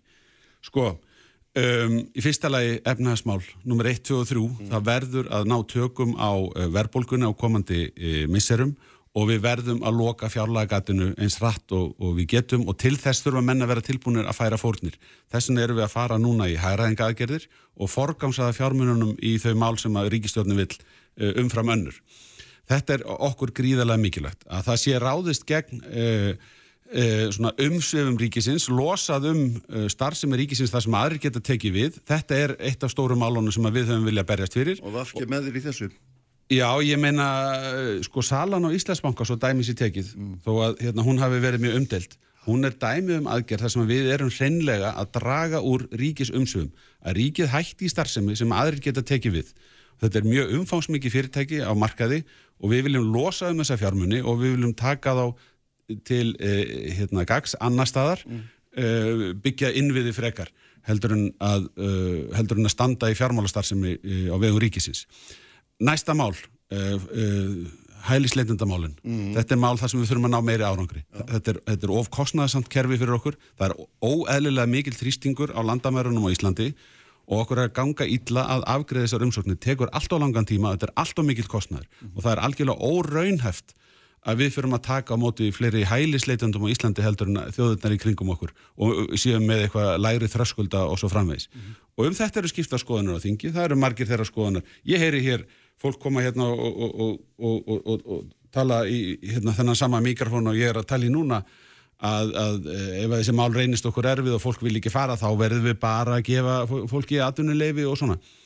Við þessu segjum við nei, við erum hérna með sk- skýra reglur, það er langt kostnæðsamt ferli sem að hérna, við erum að halda, uh, höldum uppi. Þegar að niðurstaðin er svo að við komum á ekki rétt á að fá hæli á Íslandi þá verður við komum að fara af landinu. Það er bara okkar skýra afstafa og við gefum ekki afslátt á því. Uh, ég trúi því að þessi ríkistjórn, það er nú meðal annars kostur við þessa ríkistjórn hún er breið að við náum að leiða fram skinsanlega niðurstöðu í þessu málflokki. hver er hinn skynsala niðurstað er þetta meiri eða stórt eða hvað, hvað er það sem að þeir eru að vera sækjast eftir er Ekki, ég er ekki að segjast þetta neinu öðru en að hérna, við Íslendingar aukslum okkar ábyrð uh, samkvæmt þeim skuldbindingum sem að við höfum gengist undir. Við erum þáttakendur í alþjóðlegu kerfi um að veita fólki vend sem að uppfyllir ákveðin skiliti og mér finnst bara eðlileg krafa að hér á okkar landamærum sé ekki meiri þrýstingur heldur en er í löndunum í kringum okkur og, og við séum ekki að skapa það með einhverjum óeðlilegum svona skilabóðum um það að við munum taka mildilegar á móti fólki eða vera með einhver önnur viðmið og svo framvegis og við bara höfum ekki yngar aðstæður til þess að gera það. Það er bara batnaskapur að halda því fram. En við munum axla okkar ábyrð og fólk sem að uppfyllir skilirinn við þurfum að vanda okkur að taka á móti því fólki, hjálpa því að aðlega samfélaginu og það er svo sannarlega rétt að uh, það geta orðið mjög öflugir, kraftmiklir, mikilvægir uh, þegnar hérna í landinu sem að hérna, geta gert uh, samfélagi bæði dýnamískara og fjölbreyttar og kraftmera. Þa, það er engin spurning með það. Ég ætla síðan að fara að tala hérna um orkumálinn ok. fyrir setni hluta kjörtíðanbilsins. Já. Við verðum að afla meiri grætnar orku til þess að uppfylla okkar eigin markmið um uh, samdrátt í losun. Og, og, og, og þess vegna lögðu... Nýja orkuspá er að fresta orkuskiptunum fram til 2050 Já, þess vegna, þess vegna, um, þess vegna uh, lagði sjálfstæðarflokkurinn áherslu á það að samina umhverfis og orkumálinn í eitt ráðuneyti þannig að það var þetta stilla betur saman strengi. Og við lögðum áherslu á það að, að hérna, fara með það ráðuneyti í þessari ríkistjórn og Guðlaugur Þór er uh, með sínu fólki að vinna mjög góða vinnu þar til undirbúnings því að, að, hérna, að tryggja að þessir möguleika sem við höfum til að nýta orkuna verði greipnir og notaðir. Um, það er ekki langt síðan að ramma áallun var afgreitt í fyrsta sinn, það var áfangi sem að skipti máli. En e, þegar ég horfi til þess sem er að gerast í Evrópa því að við, þetta er ekki sér íslenskt verkefni að hérna, auka nótkun grætna orkugjafa og draga úr, úr losun með orkuskiptum þá sé ég að í Evrópu er hvarvetna verið að draga úr uh, reglubyrðinni og í raun og veru bara svo lína lögð að ef til staðar er græn orkukostur sem einhver hefur áhuga á að nýta að þá er það pólitísk stefnumörkun í Fraklandi víðar að, uh, að stitta leiðina að uh, uh, nýting orkunar uh, til muna og þetta fer algjörlega saman. Ef þú ætlar þér hérna, að setja þér uh, hálitari markmiðum að draga úr losun þá þarftu að setja meiri kraft í að nýta orkukostina. Og svo veriðist sem að við höfum hér á þessu sviði eins og, eins og sumum öðrum eins og við nefndum hér áðan um, gert leiðina að nýtingu uh, orkukostana og flokna og tafsama. Ertu að tala um að þú viljið draga úr þá tíma sem það tekur að fá umhverfismat eða, eða eða, eða, tökum bara hérna, þetta sem er að gerast í kvamsvirkjun sem dæmi. Já. ég meina að landsvirkjun er í tvö ár tvö ár að býða eftir svari frá orkustofnun. Þetta gengur ekki. Nei. og síðan þegar niðurstaðan er að, að lokum fengin uh, hér uh, í gegnum sveitastjórnar uh, ferli allt saman Heyrðu, þá kemur í ljós að uh, vatnatilskipun frá því fyrir já, næstum tíu árum síðan eða í kringu tíu árum síðan um, e, hérna, setur strikki reikningin um, öllum okkur í ríkistjórn algjörlega að óvörum sko. Og, og þá tefst þetta enn en frekar. Ég meina, sko, þetta get ekki verið svona margar slár til þess að stökkva yfir í, í átt að jafn, augljósum orkunýtingakosti og, og, og, og hér á við í mínum huga Uh, veist, það er tekin hérna, ára langur slagur í þinginu síðan er hérna, allir þessi prósess stopnarnir eru allt of lengi að afgreða og svo koma upp svona óvænt atvik eins og þau sem ég er hér að vísa til. Uh, og mér sýnist að við séum daldið á svipum slóðum varðandi varðandi uh, það hvert við ætlum okkur að fara í, í, í nýtingu vindorkunar og uh, aðal, aðalatriði hér er að við viljum sjá framgang. Er þetta að tala um það? Nei, sko við erum bara sko, það, það eru starfsópar að störfum en, en hérna, ég mér sýnist bara að, að, að, að við séum ekkert sérstaklega langt á veg komin með að svara því hvaða lög og reglur eiga að gilda til lengri tíma um það hvar á að vera hægt að reysa slík mannverki eh, og, og á hvaða forsendum eða samkvæmt hvaða skilirðum En ertu ekki trættur um það þegar þú ferð að þrýsta á eða þegar þú eða þið farið að þrýsta á þetta gangjald sem að hraðar og ríkið einhvern veginn hérna, fjallaði sér frá þessu? Menn taki bara óvandar ákvarðanir er það ekki stóra hættan og það er þess vegna sem þetta er Jú, það má nú vera einhver millivegur sko. Já, já, ég er ekki að segja að það get ekki verið það en það hlýtur að vera það sem að veldur því að menn vilja taka sér tíma að vanda svo þetta er held- óaftur kræf verkefni sem verður að hérna, fara í. Einmitt sko, það var, ég held að þetta sé alveg rétt hjá þér að að, hérna, menn hafi svona þegar að, þegar að var ekki þessi brína þörf svona, menn voru svona aðeins að ná andanum eftir að við höfum farið í nokkra stærri virkjanir og upp frá þeim tíma fæðist hugmyndin um ramma áallun og, og svo koma fleiri lagabolkar hér við sögu sem að varða sérstaklega svona umhverfistáttinn uh, og akkurat á þeim tíma þá var kannski ákallið um svona stærri virkjanafrangandir ekki mjög áberandi sko eða, eða mjög, það var ekki mjög brínt ákall um slíkar framkvæmdur á þeim tíma. Og þá eru menn svona að dunda sér við að búa til ábúslega vönduð ferli og allir bara slagir og, og að telja þetta sé nú bara best að vanda sig sko.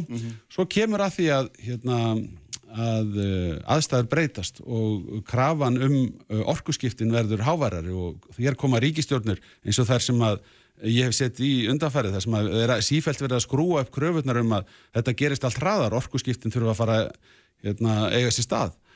Þá fyrir að reyna á þetta sem þú varst að smíða í rólihettum sem eitthvað er vandað og, og hérna, mikilvægt ferli. Og kemur kannski bara í ljós og það er svona mín skoðun að við höfum gengið á langt og, og ofan af þessu þarf að hluta til að, að, að venda fyrir mína parta og, og, og hérna, þessi dæmi sem við erum með fyrir framann okkur sína það. Já. Það eru starfsópara störfum á síðara hluta kjörtíðanbilsins þá viljum við sjá árangur af öllu því starfi. Mm -hmm. Búin að tala í að það eru útlendingamálinn eða hælislendamálinn, þetta eru efnarsmálinn, þetta eru orkumálinn. Já, og ríkisfjármálinn. Já, þetta eru þessi mál sem að hérna... Þetta eru mál sem brenna okkur, en, en, en, en síðan líka það sem við vorum að nefna hérna upphafi, mm. sko, að, að hérna að við leitum leiða til þess að, að, leta fólki róðurinn að, sko, við erum sífælt sí endurtekið að fá þessar ábendingar um að e, e ríki sé of mikið að þvælast fyrir e, góðum hugmyndum og við þurfum að ná einhverjum árangur því. Það er auðvitað hægt að nefna hérna fleira, við erum ekki eins og, ég veit að þú varst að tala við Ragnar Þór hér áðan, ja. auðvitað eru vinnumarkasmálun risa stórt, stóra áskorun og við viljum komast út úr því að vera sífælt með skamtíma samninga.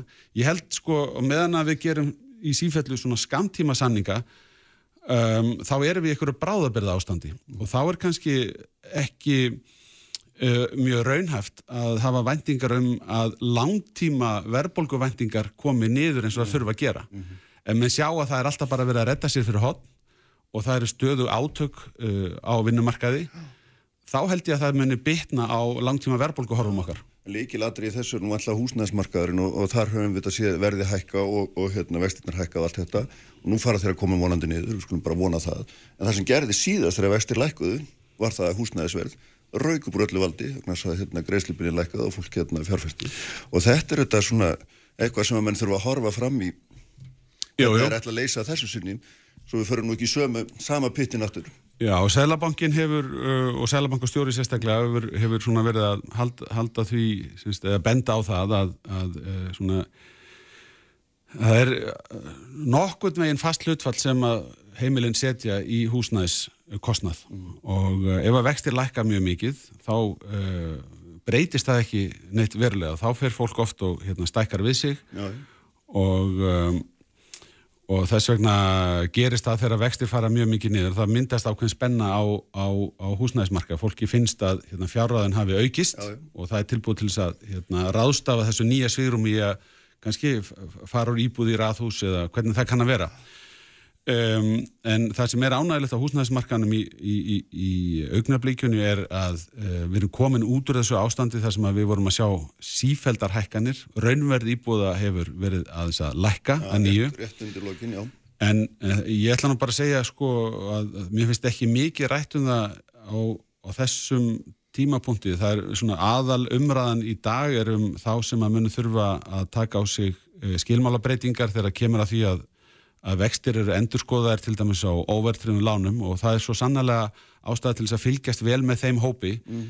Ég hef samt ekki síður áhyggjur af þeim sem ekki eru ennþá komnir inn á markaðin. Uh, fólki sem er að klára framháskóla í dag uh, eða er að hefja námi í háskóla uh, ætlar að fara inn á húsnæðismarkaðin eftir örfá ár mm. og langt flestir vilja eignast eigið húsnæði. Ég held að þröskuldurinn fyrir þenn, þennan hóp uh, sé orðin herri heldur en hann hefur lengi verið hjá uh, þessum aldri. Og þetta þýðir semst að það þarf meira eigið fjö vegna þess að húsnæðisverð hefur hækkað það mikið á Íslandi í svo langan tíma. Það þarf meira eigið fjö til þess að komast á stað og ef að vextir eru ennþá háir mm. þá er eh, krafan sem þú þarfst að uppfylla eh, semst, vegna greiðslubyrði lánana nær bara ókljúvanleg já, já. þetta er mikið áhugjefni og, og þetta, þetta er eina ástæða þess að við verðum aftur að ná jafnvægi í efnaðsmálum náum verðbólkunni niður og fá vextina niður. Og svo þurfum við að vera með jaft og stöðugt frambóð af uh, öllum tegundum af íbúðahúsnaði Sko það er endur þessi málflokkar sem verður gáðin að ræða við eitt sem að þú saðir sem vakti aðdegli í ræðinni og hérna skulum gera það loka, loka efninu núna er borgarlínan, varst að slá hann af? Nei, ég hef ekki slegið hann af en það eru við uh, í, í, í samstarfi við sveitafélaginn mm. og í gegnum betri samgöngur í að fara yfir fórsendurnar. Ég er bara að opna á mjög mikilvæga umræðu sem er, sem er svo að um, þegar við settum saman samgöngusáttmálan 2019 og, og, hérna, og ég sem fjármálar á þeirra hefur verið að horfa á það hvað við ættum eftir að fjármagna á þessum tíu árum. Það eru svona 60 miljardar um það byll. Þegar svo tala fer upp í sko, skyndilega upp í yfir 100 miljardar og síðan í þessum áfanga sem er núna verið að skoða mögulega upp í 200 miljardar og jafnvel herra heldur en það þá segi ég, herri, býtu, býtu, býtu, býtu ef, ef að þessi 60 miljardar sem að ég uh, ætlaði mér að finna út úr eru núna orðinu 200 eða jafnvel rúmlega 200 erum við þá ekki öll örglega sammála um að þetta þarf eitthvað að hugsa upp á nýtt það er bara þetta sem ég er að segja En þú ert að gera kröfum að það verði hugsað. Já, já það, ég meina það er augljóst að það verður að gera það Það er nefnilega það. Heyrðu, þið mallið áfram í ríkistjórninni fyrir ekki þið notaði Já, nei, nei, við verðum áfram kraftmikil í þáu lands og þjóðar Já, já, gott að þeirra. Heyrðu, bestu þakki fyrir að koma. Þið Já, eru hérna Þorbjörg Sirju Gunnarsdóttir og Björn Levi eftir eina blikkum. Uppspretta frétta á Sprengisandi á Bilginni. Við bjóðum einstaklingum og fyrirtækjum ein...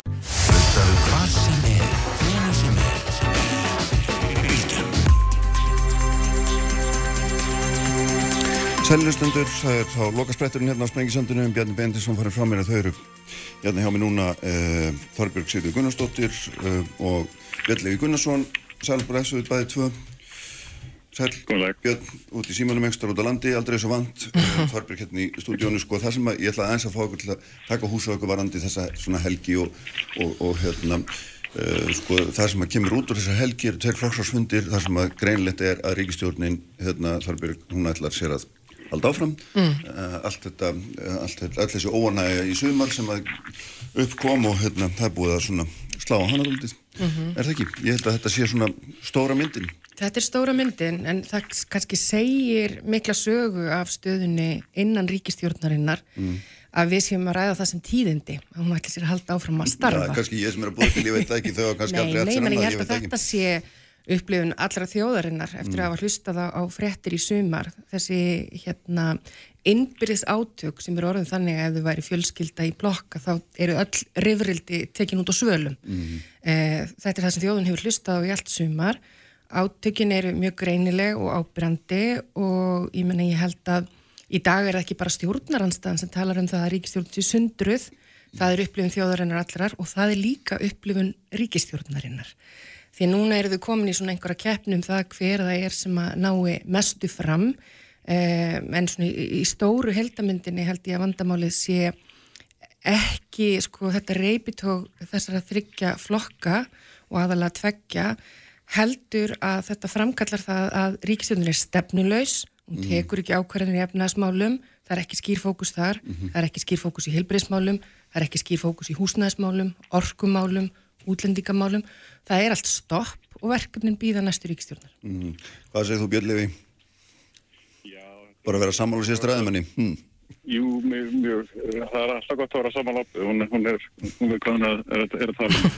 En hérna, þetta er doldið merkilegt að að horfa á þetta svona, hérna, í raun og veru og þá er það ekkert, og rosalega margir sem eru búin að vera svona hálfgerði hverjulandar svona innan ríkistöðunum. Það er að mestuleiti er þessi hávaði bara í kringum nokkra í sjálfstæðarflokkum og það búið til mjög mikinn hávaða. En þegar það kemur alls þá er þetta bara einhvern veginn í, í nefinaðum og ég held að þetta sé bara svona undirbúningur fyrir þessa aðilansna til þess að svona, búa til smá olbúðarými fyrir þessu, prófkjör hjá þeim. Þeir eru bara að byrja að undirbúa prófkjörstótt og, og aðeins að, að reyna að marka sína stefnu umfram mm. tónsötu sem eru að keppa við innan, innan flokksins. Þetta var aldrei í rauninni ríkistjórnar vandamál sem slíkt. Þetta var bara eh, svona ákveðið pótinstakra aðilað í, í mín næstu prófkjörsbarutu.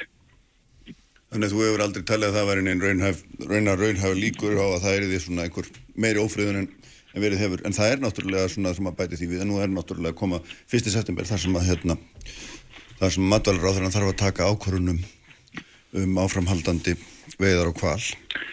Jájá, jájá, það verður mjög áhugavert að sjá hvernig það fyrr. Það er einhver orðrómur um að Kristján hérna, í Lófsvænum séu búin að kaupa hérna fullt af einhverju, einhverju alls konar búnaði sem það verði nú að prófa mm. við að hérna, sjá hvort það sé hérna, til að hafa þetta málefnilegt og svo framvegis. Já, það er Ég, ég hlakka til að sjá hvað, hvað gerist þá, en ég held að það verði áfram að mitt bara háa því, þú veist, í nokkrum svona sem að eru bara að undirbúa uh, prófkjöri næstu, næstu kostningabartu. Það verður ekkert ríkistjórnarvandamál, sko. Nei. Hvað, hvað hérna, sko, því nú talaði ég við Ragnar Þór í morgun líka um, um það að hann var mjög ómyrkur í máli, varandi haustið, hérna, Mhm. kjæra samninga framundan, uh, hann talaði um að verða að fara fram uppgjör Mhm. og, og svona, maður heyrði það á meðal annars á þessum flásvarsfundum og sumið tölum, maður heyrði þungur, þungvetur framundan Mhm. og einhvern veginn í þessu góðverið þá er leiðilt að hugsa um þetta en, en, en, en þetta er nú svona, svona stefnir í í einhvers konar hérna Já, ég menna, ég held að það gæti átakaferli. sjálfu sér aldrei orðið annað en að, að hérna, þetta verði mjög hraustlegt haust með, kjara viðræður eins og nefnir. E, nú fjármálar á þeirri held að þennan bladamanna finn sinn á föstu dag e, þar sem ég fannst það nú svona sína delt á spilin á það sjálfur að hann, hann slær mann bara svona sem e, taugaveiklaður. Hann talar, e, það er mjög stóru tveir punktar þar sem að gnæfa yfir aðra. Mm. Eh, Það er í fyrsta lagi yfirlýsing fjármálar á þeirra Íslands um það að hann eh, gegni einhver sérstökur hlutverki í baráttu við verbulgu.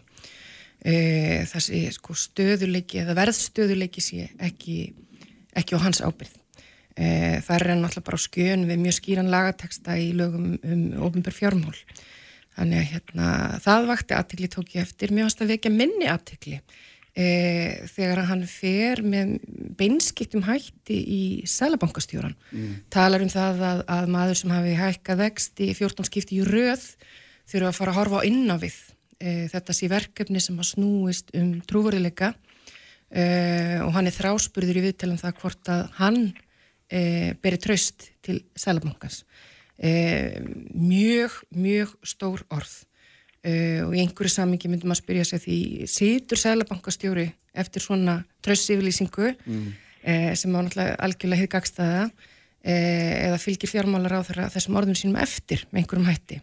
Mér finnst þetta mjög alvarlegar yfirlýsingar og, hérna, og þess að þegar maður tekur þess að tvær saman ég held að maður geti spurt sig að því sko hver er þið viðbröðin ef að dómsmálar að þeirra sæti í viðtali og talað um það að dómstólar landsins þyrta að horfa inn á við og, og, og spyrja sig því hvort að þeir njóti eða hvort að þeir séu trúverðir í sínum störfum. Mhm. Þetta, þetta, þetta, þetta er ævintýraleg setning. Bara Já. með algjörum ólingindum. Já. Björnlifi, gaman að þessu horfa inn á við, ekki gerir fjármálar áfram mikið af því þegar allt kemur. Svona, Af því að ríkistjórnin er ekki í rauninni búin að vera að bregðast við mm. Þessum, þessum efnaðas aðstæðum, að þá þarf að grípa til slaghamarsins sem að sko Sæðlabankin hefur svona sem sitt eina tæki í rauninni, eða svona nokkuð einn. Þannig að þetta er svona endurspeglun af því hvað er búið að vera lí, mikið aðgerðaleysi í efnaðarspálum ríkisöldaminn. Það er einkennendi út, út frá því hversu mismundi flokkar þetta er og get ekki tekið ákverðun um hvað á að gera. Þannig að við fáum bara alltaf smá búta sem það geta þau verið sammála sem eru síðan jafnvel þegar þau eru lagður fram framsókir þetta til að selja hefur verið að gera þetta og segur rungist lág fram í því hinnum þessum hugmyndum sem verður síðan aldrei neitt af. Þannig að þá klórar maður sér bara haustum og til hvers er, er, er það verið að segja þetta við leitt? Er það bara fyrir næstu kostningar? En það eru þú veist tvö ári í það og við þurfum að laga einhver núna. Ertu með einhver er, hvað ertu að hugsa þarna svona nánar, hvaða með um þetta?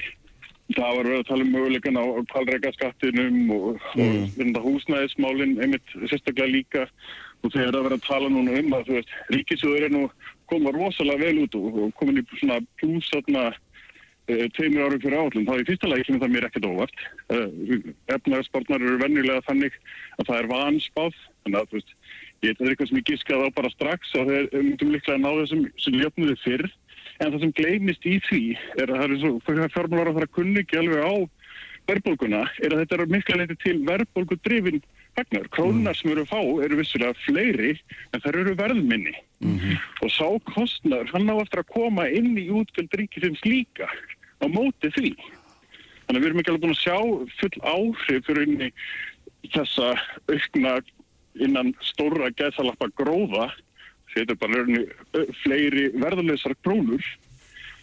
Og heimilinn og, og atvinnulífið á líka eftir að sjá sagt, áhrifin af þessu á sagt, uh, lántaka sem við búum að vera að fara í unda, undarförnu Til, þú veist við höfum verið að heyra því að svona, lán hjá bændum hafa þú veist hefði tvöfaldast eins og hjá mörgum runum sem er að greiða húsnæðislánum Og þetta verður, þetta verður kostnaður í gegnum búinsamningana þegar allt kemur til alls. Já. Þannig að gróðin eða hagnaðurinn eða plúsin sem að ríkisöður eru í ákkurat núna þegar það búið að sópa með auka verðlöysukrónum, þú veist, hann, á eftir að skila sér á, á kostnaðarleginni. Þannig að við erum að spyrja leiks, leikslökum Já, já. hver niðurstaðan verður. Og það vantar alltaf spurninguna líka. Mm. Hver er eins og þjónustuhattin sem að horfa upp á? Hvar eru við með við lögbundna þjónustu ekki að standa okkur Uh, það er bara samkvæmt lögum, lög, lögum um hérna, þjónustuði fastlafólk til dæmis sem að var sett yfir á, á sveitafélaginu 2018 og erum komin núna út í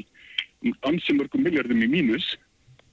Hvar, hvar kemur það inn í reikningin með uh, þegar annars verður að segja, verður sem, sem, í sem einhverjum plús í ríkisjóði þegar þetta er síðan svo augljósum mínus sem mótur ekki talin með. Já. En varðandi plúsin hjá ríkisjóði, það var kannski var, sko, bara varðandi hausti sjálft, Mm. að þegar að, að fjármálar á þeirra situr og talar um sko þennan e, óvænta afkomi bata, e, hann sé, það er snar bætt afkoma ríkisjóðs vegna þenslunar, ekki vegna þess að það sé eitthvað aðhald eða, eða nýjar tekjur þannig, það er þenslan sem Mm. Þetta er bara umsvif, Þetta er bara umsvif, já, já. eh, talar um þetta sem stórkostlega jákvægt á sama tíma og hann sendir sælabankastjóra tónin fyrir það að ná ekki tökum á verðbólgu menn þetta, er, þetta er sama myndin sem hann Mm. Já, er já, það en hann bóða náttúrulega aðhald í leiðinni. Já, hann bóðar aðhald upp á 1% Mhm. eh, 17 miljardar þannig að það er nú, það er nú allt og sumt sko, þannig að Já, en 2 og 3% hjá stofnunum mismjörn. Já, já, en í heldarmyndinni Já, um, um, um já, já. prósent uh, en við erum náttúrulega eftir að sjá útvarslinnar á þessu sko, en mér finnst vanta tölvöld mikið þegar hann er að tala um sko bætta stöðu ríkisjós og getur þess aldrei að þannig er þenslan uh, að verki því hann sleppur því að geta þess að hann sem fjármálar á þeirra ætlar að reka og mun reka ríkisjóð með halla nánast í áratug samflikt. Það skiptir einhver máli hvort að efnaðast aðstæður eru góðar eða slæmar, niðurstaðan uh, verður halli. Og svo finnst mér líka varðandi sko þjónustuna sem Björn Levi er að nefna uh, að því að það er alveg rétt ef maður tala við fólk, þú heyri það bara fólk sem ringir á helsugjastlinu og vil komast það til heimilisleiknis það er margra mánada byð við heyrum að mm, þegar maður að komast eða, eða varandi öldruna þjónustu og allt þetta, e, að þessi grunn þjónusta, hún högtir hún högtir verulega. Skattar á Íslandi, bara svona í samanbyrði við OECD, eru tiltúlega háir. Íslensk launafólk greiðir háa skatta.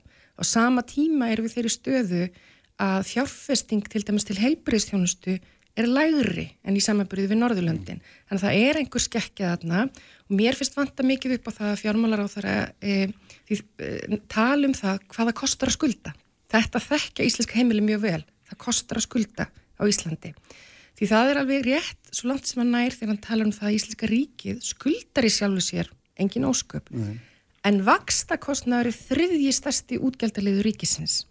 Og það, hann er svo hár eh, og hár í öllum samanbyrði. Við, hann er bara á pari við Gríkland og svona ríki sem er þekkt fyrir að skulda mikið. Auðvitað er þetta útgjaldaliður sem býtur. Býtur á þann hátt að við erum að fjárfesta eh, En minna er í ríkið þá bara ekki að vinna nógu vel í því að hérna, kynna stöðu sína til hjá landvitundum? Ég meina það, það eru, ég meina ég hef sittið hérna á hjá þér og rætt Já. þetta til dæmis við viðskiptar á þeirra, hún nefndi hrunið, hún var Já, líka, hún var líka og, hún var líka mjög hissa á því hvað kjörin, okkar vastakjörin voru hún var há. hissa á því Já. og það rættu við það aðeins uh, að með gjaldmiðlinn og hvað hann kostar. Það eru þetta ekki samtal sem er að fara að breyta einhverju núna varandi þessi fjárlög en ég held að það sé mikilvægt að horfast í augu við það hver staðan er að Mm. þessu leiti á meðan að þriðji stærsti útgjaldaliður ríkisins er kostnaður af vöxtum, Mhm. þá mun þetta högta. Hvað hérna, Björnlefi, hvað sérðu svona á bregður kristalskúlunni fyrir, fyrir, hérna, fyrir augun, hvað sérðu svona gerist núna í á næstu mánuðum? rosalega góð spurning hérna, Já, svolítið víð, ég veit það. Já, sko, þú veist, þegar maður bregður svona kristalskúlunu upp svona fyrir að þá sér maður henni heim með við, við hana er speil sem sýnur okkur fortíðina. Og, og, og þessar aðhalsaðgerið sem við verðum að tala um núna listin sem er talin upp þar um það hvað á að gera til þess að spara hér og þar það er nákvæmlega sami listi og var bara núna síðast fyrir fjármálaállinu og fjárlöguna það er verið að segja að við ætlum að spara með því að fara í sömu aðgerður og virkuðu ekki þá og það er mjög mjög svona þetta veldur mér smá kátínu á og til þeirri þegar maður skoðar þetta í, í fjárlögum oft og, og þá sér maður þessi svona þriðjunga skipti hjá, hjá ríkistöndum. Maður, maður getur spottað á svona ef maður, maður skoðar fjármálaállin að hérna hvað er verið að bæta við og svo framvegis þá getur maður það deilt í þrennt og því að sem sagt, framsagnarflokkurinn fær þriðjung sjálfstæðisflokkur frá þriðjung og viðstu græn frá þriðjung sem er skipta svona milli málefnarsviða. Maður svona sér hvernig nokkur það dettur til og, og aðhaldsæðgjörnum er verið að vera svipaðar. Þannig að Bjarni tilkynir að 17 miljardar í, í afkomisparandi í ímislegt og, og 5 miljardar af því verða þú veist minni í launakostnur og svo frá þess. Þannig að það er svona hluti ríkis, eh, hérna sjálfstæðisflokksins í, í hugmyndum um aðhaldsæðgjörn og við erum ekki búin að heyra um hérna tvo þriðju af því að vinstu græn og framsókn þurfa raunin að kynna það eða koma með þær hugmyndir það er svona, þetta er svona í mjög einfölduðu máli en, en merkilegt nokk þegar maður skoðar hvernig þetta lítur út að þá er einhvern veginn málast myndir alltaf eitt svona. Það mistur mjög okkur þannig að það eins og, sko, eins og hefur verið mun verða í kristalgúlunni bara næstu tvö árin. Það má hefur verið undan þarinn sex ár, þá er ekkert að koma okkur óvart um það hvað er að fara að gerast.